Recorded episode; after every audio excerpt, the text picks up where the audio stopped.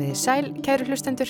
Þetta er þátturinn sögur af landi sem nú er komin í sumarbúning og ætlunin er næstu vikurnar að flytja ykkur aftur sérlega bitastæðar sögur frá liðnum vetri fyrir ykkur hlustendur að njóta í sumar.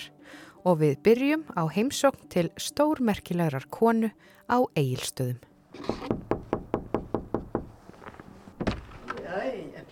Kontur sæl og blessið? Já, kontur sæl. Við dættum að við fáum okkur við kaffesopa. Mm. Það lýst mér vel á. Er. Við erum komin í heimsókn til Elfríð Pálsdóttur sem fættist nálat Ljúbekk í norður Þískalandi árið 1930 og ólst upp í Þískalandi nazista. Hún er ein af þýsku stúlkonum sem komu sem vinnukonur til Íslands eftir að hafa upplifað hörmungar setni heimsterjaldarinnar á eigin skinni, mist foreldra og sískinni. Þegar Elfrið kom til Íslands upplifði hún mikla fátakt sem vinnukona á Siglunissi en eftir að hún kynntist manni sínum, Erlendi Magnúsinni sem nú er látin, byggði hún upp sitt eigið lífi í nýju landi og byggu þau hjónin saman á Dalatanga í 26 ár.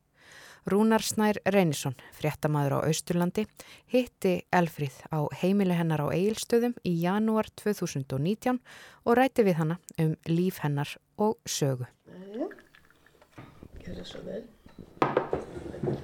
Margu voru búin að hlusta svona ásögunum mínum og alltaf verið að hvetja mig til að skrifa.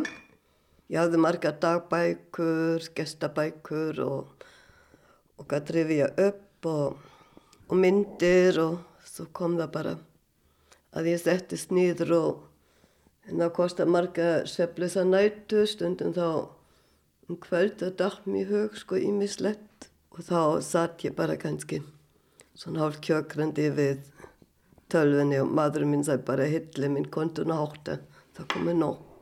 Já. Þegar var að já, skrifa svona um strísárun og erfiðin tíman, já. En þó var nú líka margt gaman.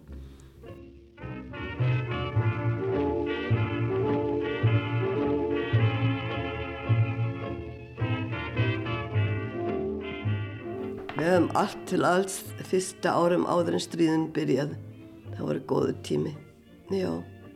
Alltaf á sunnudum, það heimsóttum við en það var komið til okkar eða við fórum, fórum sko til frændurna og frængur þannig matabóð og leikum okkur saman krakkarni og það var mjög gaman. Þegar stríð brist út þá fann maður ekki svo mikið fyrir sko. Ekki við krakkarni við gerum okkur reynd fyrir fyrir en við sjáum hérna herminni sem vanda kannski á limisku fætur eða handleggur eða mikið skadað þá byrjum við að hugsa og þau sáum grátandi fólk svartlætt og, og þá komna alvaran hjá okkur börnum. Og vorum hissa hverju verið að taka fólk til fanga og við vorum mikið að hugsa akkverju stríða, akkverju ekki allir vinnur og sérstaklega ég, ég tók það nærið mig sko. Mátti hafa óvinu og svo var það erfitt í skólanum að við áttum bara að trúa hylla og hann var bara einu maðurinn, hann var eins og guð og við áttum að hata útlendinga og, og þá mótmældi ég innan með mig sko. Akkur ég að hata útlendinga, það hafi ekki gett mér neitt. Það var stúrkæðin í bekknum mínum hún var frá Pólandi og Ég hérna hafði hann sem leint fyrir vinkonu sem enginn mátti vita. Og ég klætti alltaf í tvöfaldum fötum og gaf henni fött frá mér.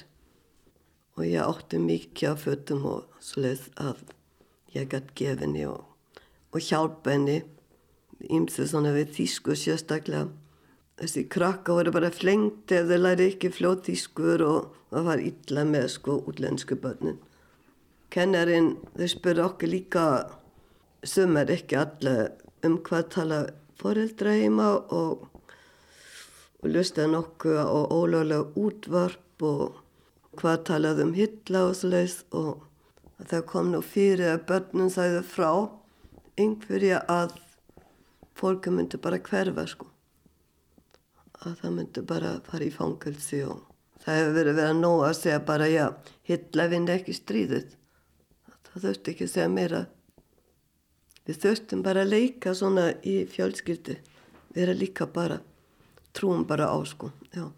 Ég man, einn frendi minn, hann var út á torki og hann stó ekki með upprætta hend og hann var alveg bara lamið í klessi sko. Af því hann stó ekki og það er lilla, hann var að mótmæla. Og hann var straffað með því að konan hans, hún var bara tíkuð samband, hún mátti ekki eða flýra börn.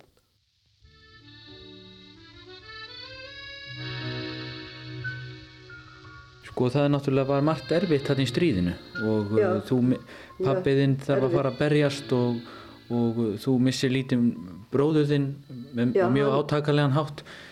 Já, þegar þú ert í stríðið, elstu frendi minn hann var 18 ára, hann fór grátand í stríðið.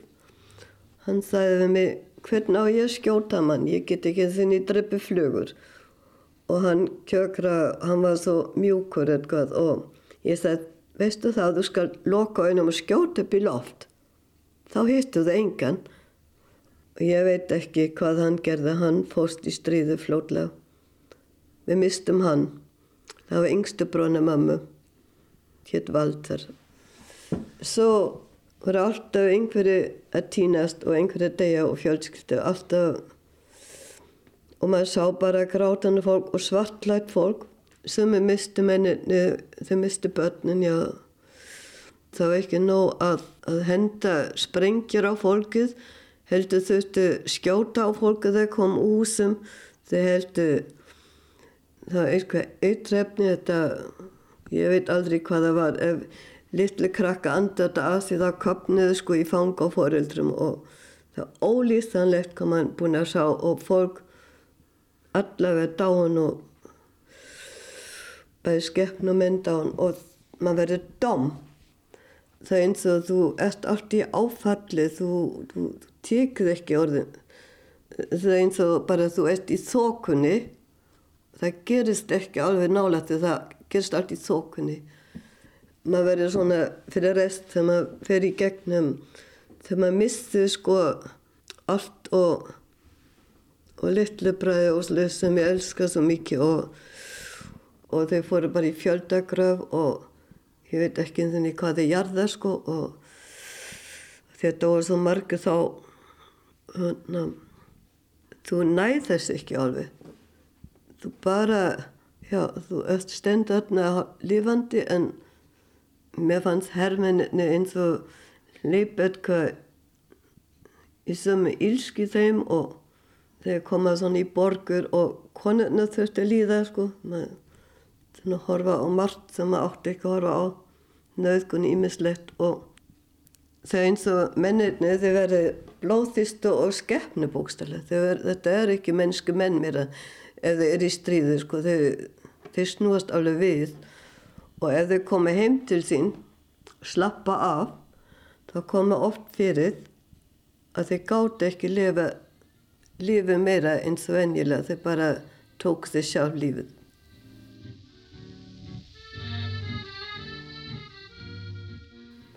12 ára þá var ég í Lübeck og mamma mín vildi ekki láta mig fara en ég þráast við, ég vildi endurleginn fara. Þá lendi ég vestar loftarás í Lübeck. Þá var ég ekkert fann að þekka neitt loftarás þess að les fyrir austan. Og það var alveg ræðilega nótt. Hérna, sprenginga voru alveg í kringum okkur og, og allstað eldur og þá brann Lübeck í halva mánuð og það þurfti alltaf öll hérna árin þurfti alltaf að hafa fötin í tösku og allt sem við þurftum að nota til að vera alltaf viðbúin. Og stundum það hlættum okkur ekki úr fötum. Þá bara sváum í fötum þegar tungsljósi var það var árás ábyggila já eftir það það var nokkur sinnum loftarósir að þá hérna voru farið með nokkra bekkur hérna frá Lübeck til Östuríkið með okkur til að kvíla okkur. Kvíla ykkur á sprengjuregninu? Já, kvíla okkur, við vorum hún svepp litla og við gáttum ekki alltaf áfram í náminn og mikið sko að hérna það þurfti kvíla okkur en við áttum verið minnum með sex vikur en við vorum halvt ára því við fengjum skalasort þá vorum við alveg einangru þarna á hótelið sem við vorum. En við þurftum að læra, það voru kennari og líka frá voru násista konuna þarna sem voru að aga okkur til sko. Á mornana þá þurftum við laga herbergið til og elsta stelpan í herbergi vonum þrá saman. Hún þurfti að kalla áttung Þá þurftum við standa alveg stífa með hendun upp og helsa hæg lilla og síðan fór hún að aðtöku hvort skortni var vel púsuð, rúmin alveg sleitt, í skápin allt rétt og ef eitthvað var ekki í lægin þá var allt hend úr skápin og við þurftum laga allt aftur til hálf kjökrendi. Þá komum við seint í morgunmat og vorum þar efsað. Fengum um daginn ekki eftir mat eitthvað og svo komum við seint í skólanum og þá fengum við eina refsing í viðbútt. Það var bara eftir því líka hvernig þessar konu voru. Það var einn alveg indislegt. Hún kom bara inn og sagði, já, já, það er bara allt flott hjá ykkur og við þurftum ekki að helsa. Hún var alltaf glöð og ána með okkur og og við elskam hana öll sko já þá vissum við, ó, í dag sleppum við þegar hún kom. Hún hér Lutsívan kalla glimtum aldrei nafnið. En svo var sama ægin líka hjá kennarin sko. En svona skemmtilega við krakkarnir máttum planta trei í Östuríki gengum í kjöp í fjöllum og en þurftum alltaf að syngja og alltaf í röð eins og herrmenninni alltaf 1, 2, 3 og 1, 2, 3 og og þetta fyrir aldrei úr manni þetta er alla æfi í mig sko maður minn spurði mig einu sinni hvernig getur þú alltaf brota handlaði eins breytin saman ég segi, ó það er bara alveg byggt í, í mig sko já En eftir dvöluna þarna í Östuríki, hvað tekur þá við? Þá uh, ferði áttur til Þýskalands? Og... Ég, þá fer ég, þá er móðið minn hafa mig fyrir austan, þá er ég alveg fyrir austan. Þá er ég heima hjá mér sko, í Nábrannumbo. En hvernig kemur það svo til að þú ferða yfirgefur uh, Þýskaland? Þá er ég aftur komin til Lübeck, ég er búin að missa foreldra og sískin og nefnum eitt bróður minn og ég er komin til Lübeck og er alveg hjá postuminn. Ég er þá á 15. árið og þá fær ég vinnu, hinga og þanga, við þurftum alltaf að vinna og fór svo í skólanum, í hótelskóla, læri verið þjótt og ég var sveit, sko, ég var lært og mann á hótelið en það var ætlast mikið af okkur. Yfir maður okkar, hann var alveg strangur og... En við fengum líturkaup. Ég fekk tvö mörg ég var hérna berfætt í skonum en tvö mörg fymti var í sirkisokkum. En sirkisokkum kosti á svartamarkan tólf mörg. Ég hafði hann ekki efni á því sko.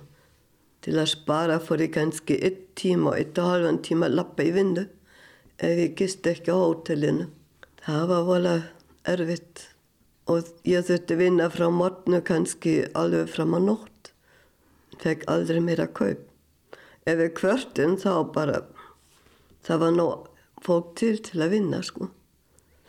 Af því það var mikið atvinnileysi og, og ennþá allt í sárum eftir stríðið og, og nóg fólk sem vand að vinna. Og ég var bara 19 ára og ég hugsa að ég var svona efinskort, ég vildi lifa svona lengi og já og þá bara kom Simsen hérna konsulat til okkinu sinni og það verið að reyna svona smala saman sko fólk til Íslands. Það vandar svo mikið af stúlkum hér. Það voru nú svo margar til Ameríka sko, íslenska stúlku og England. Og spurði hvort ég var ekki til bara að fara til Ísland. Ég var einn svona duðlega stelpa þarna og já, Íslandi, hvað er það? Ég hafði ekki hugmynd hvað Ísland var sko. Já, ég hugsaði til kannski, ég breyti bara til og, og það, ég var bara til í sko.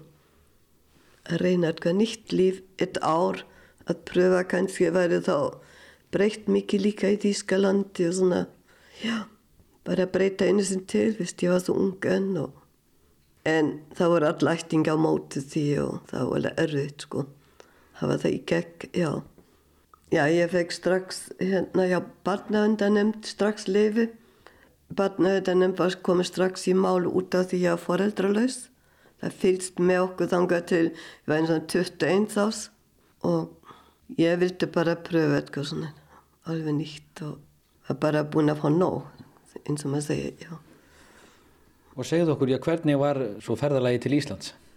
Ferðalagi til Íslands, já. Ég var rosalega sjóveik.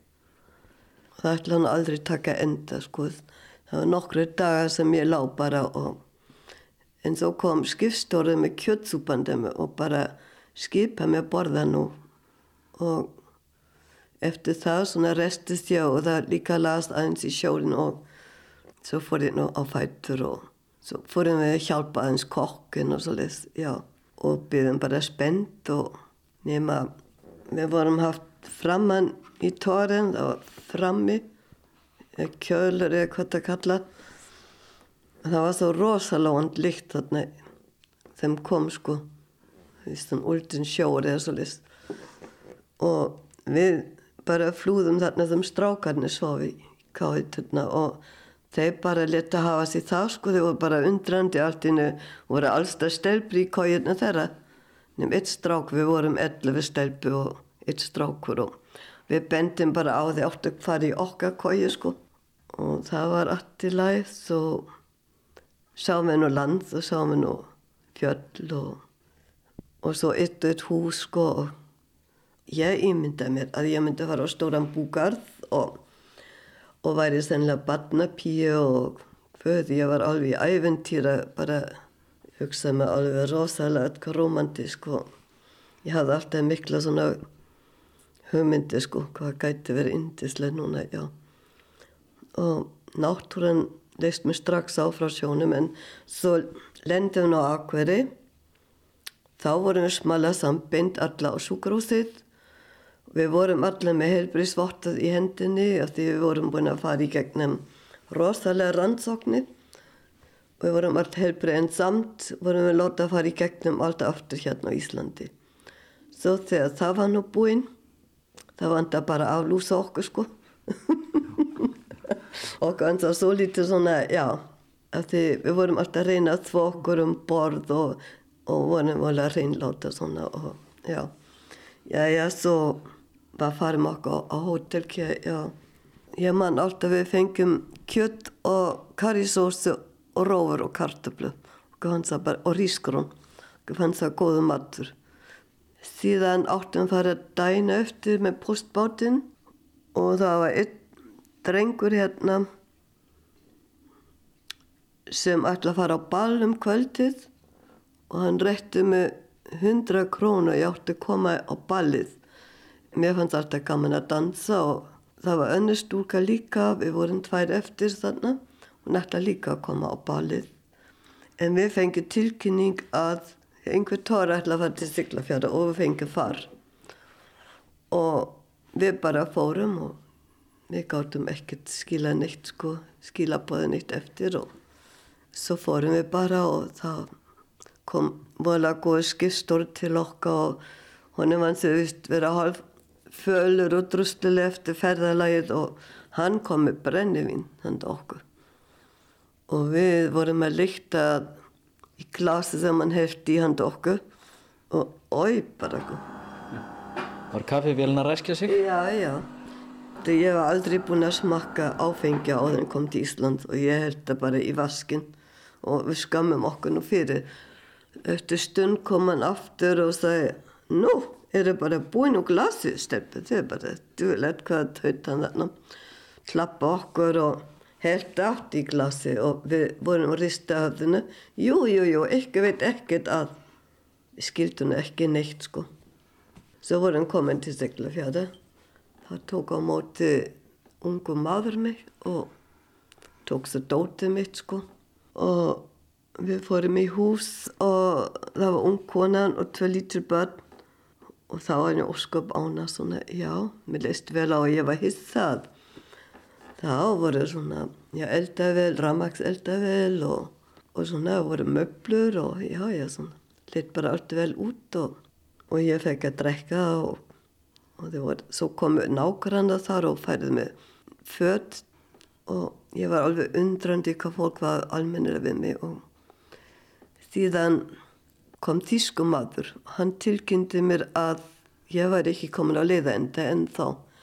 Það myndi koma maður húsbóndi minn með trillur og ég átti eftir að fara hálf tíma út af hafið, út af Siglanesi. Það var náttúrulega svo lítið vonbrið sko því mér leist svo vel á heimilið.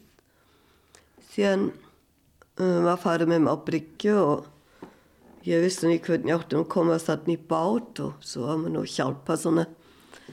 Það var þetta dekk sem ég ætti stíða í og ég var alveg döð þrætt bara því ég var saman sem ósinn sko og en ég mann mér var alveg ræðilega kallt á leiðinni. Við vorum hálf tíma á trillur og, og opin hafið og svo lendið við nú loksins og svo með hjálp og bát hún ég var stappat nýð þaran og og, og grítið og þetta var alltaf sleiftur og, og skrítin leikt hans mér og, og svo bara var ég látað standa og þeir voru að spila bátinn sko. Það löpum margi og, og setta bátinn.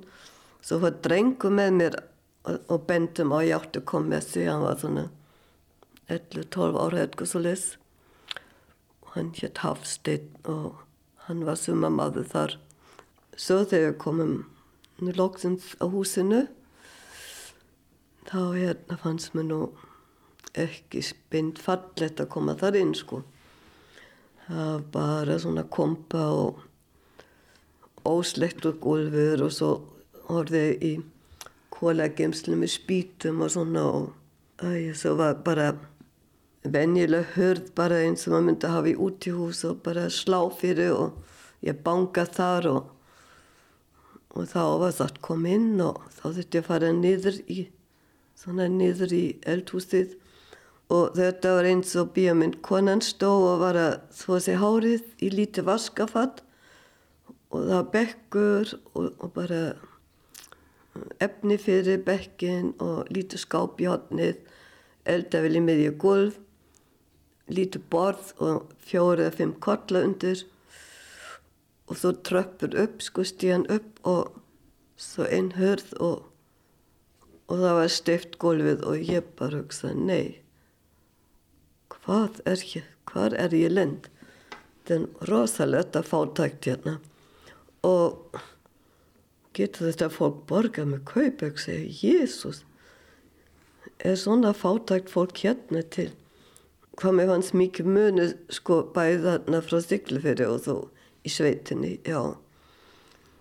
En svo bara það var mér búin að vera kallt og ég þurfti endilega hinn fara á klósettið. Og hún var að þurka hára á sig og ég sá hún var basshafandi og þá kom eitt lítið dreng og hann var áskamalt og svo stelpa sem var á sjönda árið. Og ég tók hann á mótið mér og svo hérna sagði ég alltaf toilet vafsið toalett og svo skildum við loksins og ég hugsaði hvað er ætla þessi klósetti hérna og svo fer hún út með mig lappa, lappa, lappa, lappa og inn í fjósið og settist þar. Og fór að pissa en ég ljóp út bak við fjárhúsi og pissa þar horfði til hægur og vinstri hvort einhver myndi sá til mín sko. Ég bara fekk áfall. Svo bendum við líka á dagblöð og var búin að opna gat þarna í Flórens og þarna átti ég gera þá eitthvað ég þurfti gera meira sko og ég bara ætla ekki að ná mig, ég fekk algjörlega svo. Og ég hugsaði, og þegar stórið það á ég laupa hérna hjá beljunum og ef þau myndi já fyrst að nokkur rétt hjá mikið og hugsa, ó hvert lendi henni, hvað var ég einnig að gera? En svo hérna fór ég út og mér var eins og náttúran fallið sko, náttúran hafði alltaf mikið að segja og ég lappaði hérna upp á nesnúp þarna upp, upp fjallið og, og fólk vist held ég ætla að vera strúka þau kalla alveg hrein nafnum mitt og ég opbóði að ég átti að koma sko. Döðrætt, ég myndi að rapa þarna. Því grjóta var laust þarna og ég ætla bara að sjá svona útsýni sko í kringum. En það var rosalega sjokk fyrst, það var menningasjokk og ég gæti ekkert satt neitt sko og um nóttinu fekk ég ekki söp, það var nú bjart og sólskinn og, og það ætla hann aldrei koma nótt og það kom aldrei nótt og ég bara kúruði mig niður greitt og en svo kom þoka og það er í, í vitan hjá Söðanessi og hann baulaði alltaf. Og þau hugsa allmáttu ekki líði beljinum vel hérna það allar nættu baulandi og, og ég grátandi hugsa ég en þó vandist ég fyrir þau fljótt það ætlast að mér að þrýfa sko. Ég byrja strax dæna eftir finna með föttur og fór að skúra og púsa íbúðinu uppi og niðri. Og svo horfði ég bara alltaf áfylgdist með hvað hann gerði sko. Nema því hann var elda havragröðin og kom það með stór svona stykki og let í pottin þá leist mann ekkert á sko. Ég held að það væri þvottasóti af því að aldrei sé gróft salt svona stykki sko. Það var náttúrulega svona rosalega stór stykki salt. Og ég rétt fekk mér smá svona að gröytin ég var svo rættum myndi verið illt í maðunum svo var þið komnið með eitthvað á borðið sem ég skildi hún ekki. Mér fannst það að vera auðvitslega góð og ofanuleg sem maður bara köfti sjaldan sko bara svona bara þegar eitthvað sérstak stór til sem ofanuleg og þau skáru bara þykka sneið og áti sko. Og ég reyndi að fá mig þunna sneið. Nei, nei, þegar ég átti að taka sneiðin sem láð þarna alveg þykk. Og ég þóri ekki nema að taka. En það kom nú stúr svipu þá að mig þá var það gatsur slátu þá var það ekki ofan á legg sem ég held og það var margt svona nýtt sko. Það er rosalega erfitt sko hérna að kunna ekkert einasta í tungumál bara bendinga og svo leiðs og hérna og þegar áblafa haldi líka ég hef nú eitthvað volið skrítin sko þú veist. Já, sérstak með reynlætt og svona og ég var búin að vera hérna svona sex vik og þá skildi ég þó nokkuð þessi litla, hún var alltaf með bóka eftir mig sko, hún var alltaf með gagn gaman og kendi mér og benda á og lett mér tala sko. Það lóði nú stundum af mig hvernig skriktni íslensku og ég líka þegar fólk tala ég herði ekki alltaf öll orðin sko, ekki endin og svo les og, og þotn og eð og Jésús minn og ber þetta allt fram og en hún var volið að segja þessi litla að kenna mér. Mörg orð voru nú lík. Og ég átti að mér nú fljóta á því og skildi nú fyrðu fljót í mig slett svona daglegt. Til dæmis eftir sex vik og þá komið nágranna og, og þá komið alltaf heimsoknu og, og unga herrarni þá var nú nóga ungum herrum þarna á siglunissi það var sex eða sjö ungum svona í mínum aldur eitthvað svo les svo hérna kom nú nágranna konan ung og það talaði nú svona um mig sko já mér sýnist svona að vera ansist þrifinast í þíska og svona já svo sagði húsmóða mín, eitt skil ég ekki. Á kvöldin þegar hann fyrir í herbergi þá tekur hann vaskafatt og þvæði sig hátt og látt og fyrstu sem hann ger á mótnana, hún næði því vaskat og þvæði sig aftur hátt og látt.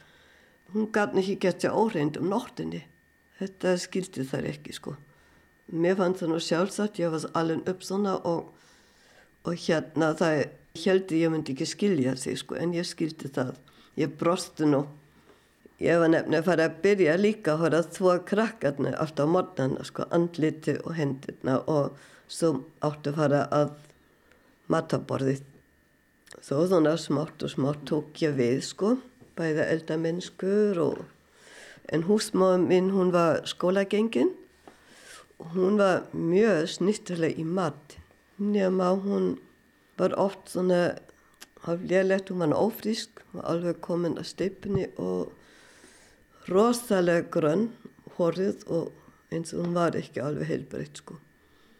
Ég held í ágúst það átt hún þriðja barnið og þegar hún kom heim þá brá minn og þá var ekki húa á hafðun. Það var bara haft svona bleið druslu utanum á hafðun á krakkan og ég vissum nóg gatt var í koffaldið og og allt mögulegt til efni og svolítið og ég fór að prjóna.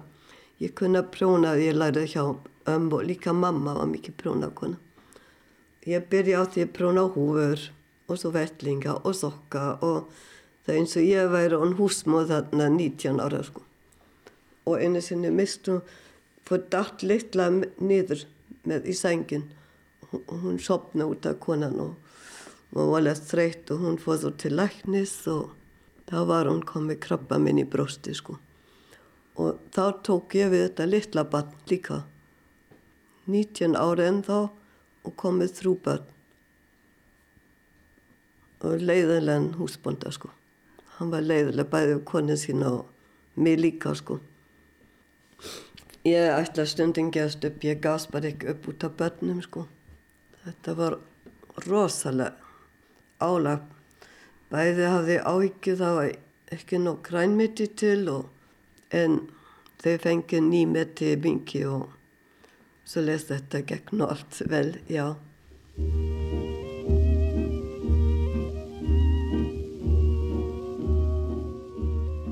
Nei, svo vorum við nú hamingjusam, sko, ég var nú hamingjusam auðvitað þegar, þegar ég kynntist manni minn. Ég hef búin að vera hálft á hérna, þá kom neitt herra í heimsokk við kynntum svona smátt og smátt.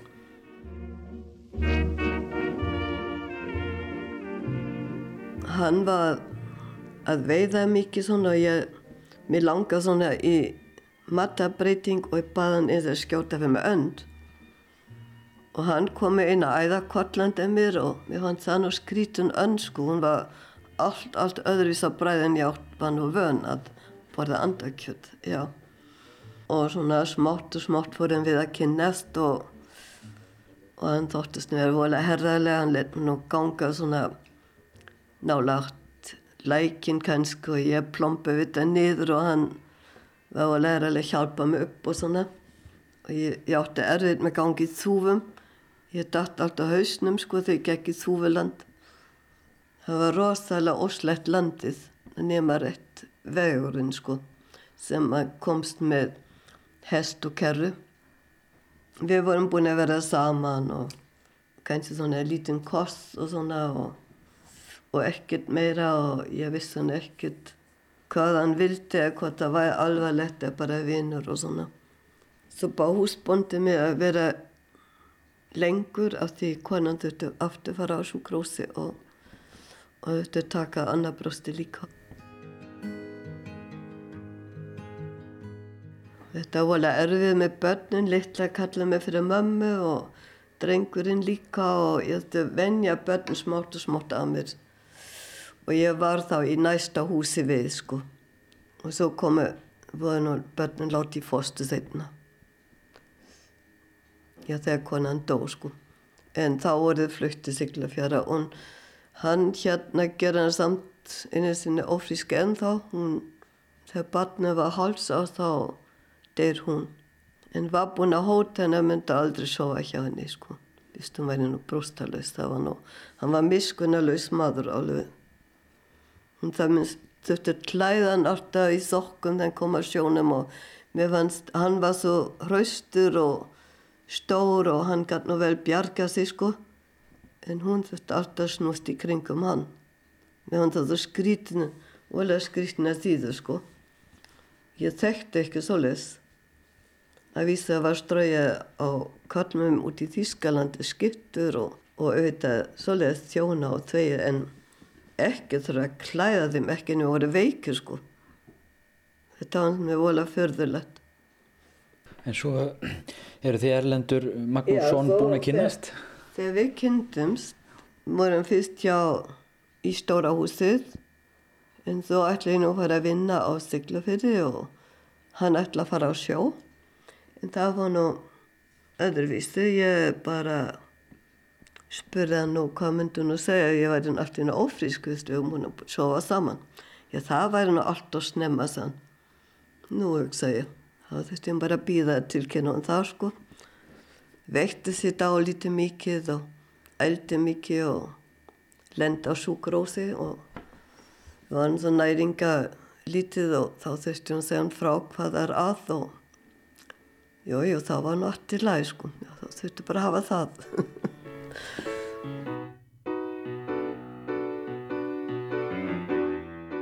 Svo fórum við bara eitt vetur hérna fyrir en vorum svo óheppin það var mikið atvinnileystið og hann átti trillu það var búin að kaupa sig en þetta var mjög erfitt. Við skuldum hann fyrir ólíu við gáttum ekki kynnt á leigur og við ákveðum fórum aft í sveitinni þrátt fyrir það var ekki ramag sko bara ólíu lampa og svona. Þrátt fyrir fátæktin við áttum ekki neitt sko nema við áttum strax þrú börn hverja ári eina stúku og hérna annar barn vildi við eiga fyrst og fórum í sveitinni. Við vildum að elsta hafði leikfélagi sko. En þriðja barn kom svona óvænt. En þau voru heilbreytt og þau voru kom, kom í körfu þá var allt í læg mér fannst gaman að börnum og svona og ég veit alltaf sauma og gömlu nýtt og svona og pókum, ég fekk mikið pókum og bakari og þurfti sauma úr því. Og við áttum mjög lítið svona en pappakassun stóru var náttborðið mitt, ég sauma bara efni utanum ég held við vorum bara hamingi samvið, þurftum að vinna mikið en krakkarna voru kátur og fjöru og þekkti ekki annað og, og leka sér úti og voru að útbúa sig og, og voru ánæg bara með svona druslu dúkur og, og svo voru áttum við svo marga skeppnur og það voru hundar og kettir og það voru kindur og hænur og við höfðum alla skeppnir fengist á Íslandi. Við vorum með svínabú, hænsnabú, við vorum með geitur og hestar, já. Það voru pínu litla, það voru eins og litla kabæböld bara sko. Það þryggjára og lend, það leiti sér bara þú bara voru að koma á hestbakk. Það var aldrei spurt hvað við nú að gera. Það, það fundist allt eitthvað til að gera út í náttúrunni. Og ég sá stundum börni lága á túnið og voru tala við gæsa unga eða við einhverju kettir eða hundar, já. Og ég man þegar fengi allir dúkuvakk frá Þýskalandi, þá voru dúkuna tikk út en kísarna voru klætt í dúkuföld og voru litli kettlinga voru kerð út í vagna. Svo voru náttúrulega mörg börn, ég var með tökubörn, ég var einu sinni með líka, það voru líka heimsokk og það voru tíu börn en enginn þóttavel. Þetta allt hans svo, það var ekki drama hvista árin. Síðan fengið við vita var það starf og það var bara fyrir eitt kaupið, maður minn en ég hjálpaði hún til að senda veðrið. Það var tunastöð frá Stiklunissi og það var líka kynnt bara með gas og nefitinn og þá var nú luxus að fá eina litla vel til að hafa ljós. Og það var svo lítið brandar að ég mann fyrst fengið ramagsljós ég bara manni mín að slakka ljósið ég ætla að fara að sofa. Þá tók hann hendunni fyrir perun og blest alltaf á perunni hann held alltaf að það væri oljalampan og ég fekk látus kast á því þegar hann var að blása á ramagnið maðurinn minn hann var gæfumað sko. hann var valja ljúfumadur og hann gæti aldrei lefi í ósátt en eitt. Hann var diplomat mikið svona, já, svona að og við hérna háttum aldrei nema í kistin góða nótt sko, það var alveg venni. Ef Edgar var þá rættum við saman, ég kannski fór eins svona í fílu sko, mér fannst ósangjött stundum Edgar og svo rættum við um að þann, já þetta er líka astni, skildi segja svona. Ég meina hann var ungu líka, hann þurfti mér að segja fá leiði til að gifta sig, hann var ekki alveg 21 þá, ég var halvt á eldri en hann. Ég var án 21 þá sko, já. Ég kom með svona marga hugmyndir og, og hérna fyrst skildi hann ekki allt þetta blóma vesn alltaf hjá mér og, og ræktun og grænmyndi og ég, það var vissan hvað ég var alltaf vildi ég rækta grænmyndi eitthvað og, og blóminn þurfti ég hafa sko. Og hann skildi það ekki almennlegt fyrir eftir 16 ár þá fórum við til Þýskalands í fyrsta skipti. Þó þegar hann var úti og sá öllum blómstra og við vorum þarna úti hjá öllum ættingum. Það voru öllum ávextagarðar og blómagarðar og þá allt innu stóðan satt hann á bekna komið tári auðin hans og þetta yfir gafst og allt og vast þessi harðindi hjá mér sann. Og eftir það skildi hann nú mikið betur sko. Ég rækta með sér tómata í, á Siglunissi í glokkunum hérna í þortahúsum. Það var stóru glokka og geimslum og alls það sem nokkur glokka var rækta ég eitthvað sko.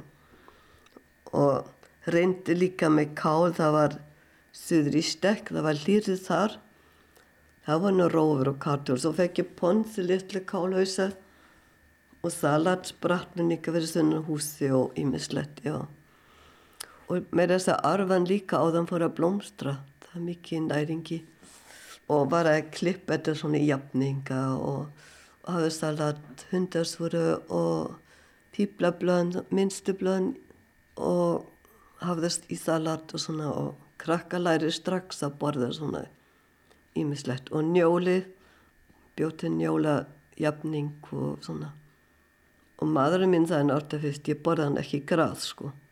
Þannig bara fyrir skefnur svo setna þá gæti hann ekki fengið nóga grænmiti setna í búskapin okkar. En það var fyrir mestu vorum öll helbreyt og en það kom hann að stundum upp sko.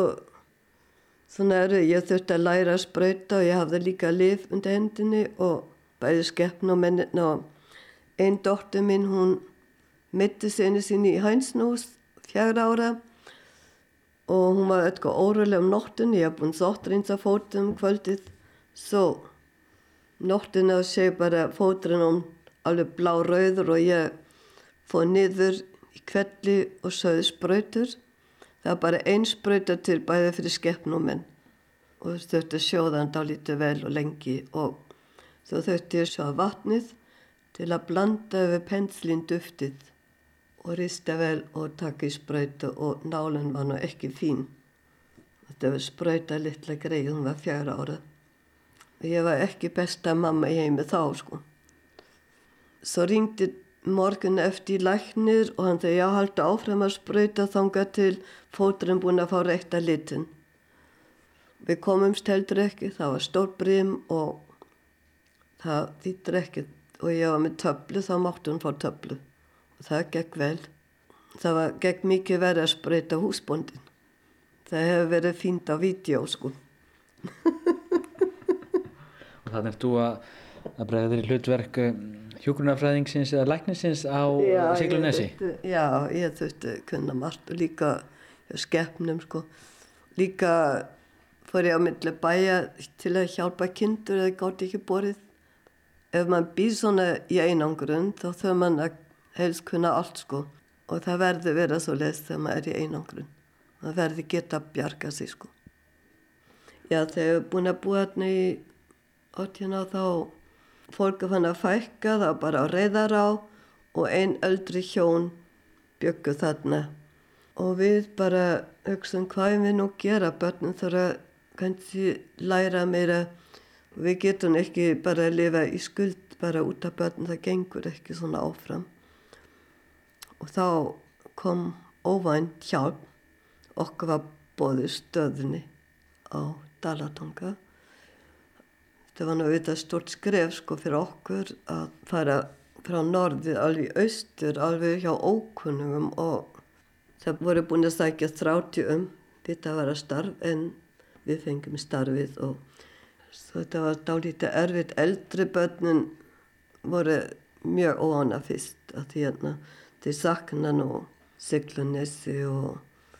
Hvað áttu þið mörg börn þegar þið flyttið á Dalatanga? Við vorum með sjöbörn. 16 ára eldsta og yngsta var eins og hálsás. Og hún var ekki mjög ánætt, hún vildi alltaf fara heim.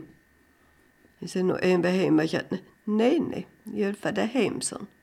Svo vandist við nú og svo var ég nú brasa með afleggjara og spurði nú fólk hvernig hérna væri áttir hérna og áttir. Og hvað ætla að gera með þessa afleggjara hér vext ekki svona rabba bara og ég var ekki sátt. Ég sá að stuðu fyrir gardin stuðu fyrir húsi var bara leirmold og ég hugsaði já það þarf að bæta hérna áður en kem afleggjara niður. Og við þóttum bara strax sko eld, eld gamla skýtaug og, og mómold og sandur og bara því kom afleggjara niður fyrst sko. Ég ætla hann að hafa garð og svona og það tók svona allt svo. Og ég fekk nú gróðhúsi fyrir rest líka og, og rætta græn mitt í ávexti og, og þetta var nú ágættis svona selta líf. Þá fyrst fannst mér ég byrja að búa sko. Ég var alltaf inn í komið með sjálfvirka þvottavel og mér fannst alltaf ég þurftum að hjálpa henni elska, ég gæti nú bara ekki bara stað og hort á hana. Það var ekki hægt sko. Við vorum komið með ískáp og við áttum bara fristikistu á Siglunissi við vorum bara komið fristikistu þá. Rafljósi og eina litla handræri vel var ég búin að fá sko. En annars engin önnur þægindi Og hvað búið svo lengi þarna á Dalatanga? Já, við byggum það í 26 ár. Við þurftum það eitt að maður minn var hjartvíkur og ef mann býr á svona stað þá maður vera raustur og svo leiðis að við vorum líka eins og lítið lúin eftir öll þessi ár sko. Það var mikið meira að gera þá fyrst. Það var hljóðvitið, það var radjóvitið og og það var mikið meira svona gæsli svona, já, líka radio fyrir flúvila og það var margt svona. Og þryggja tíma fresti veðrið það var mjög bindandi. Svo vorum við búið líka kindur og, og kýr og það var allt heima gerst bæði skýrið, smörið, osta og jókút líka, ég hef búin að fá litla jókút vel En hvernig var það, Elfrið, langaði þig aldrei að flytja aftur heim til Þýskalands? Stundum svona, en ég hef aldrei gett það, sko. Madurinn minn, hann átti erfitt með að læra tísku og hafði ekki áhuga, nei, ég hef búin að ákveða að vera hérna í Íslandi. Það var líka mikið frálsar. Ég fann alltaf, þegar ég fór til Þýskaland, þá þurfti ég alltaf breyta mig, sko. Þá var mannasíðan meira og kurtið meira og mér fannst það frálsara hérna og líka svo átti ég nú öll börnin og fjölskyldu og mér fannst alltaf gaman að vera tíma úti en svo líka var gaman að koma þeim.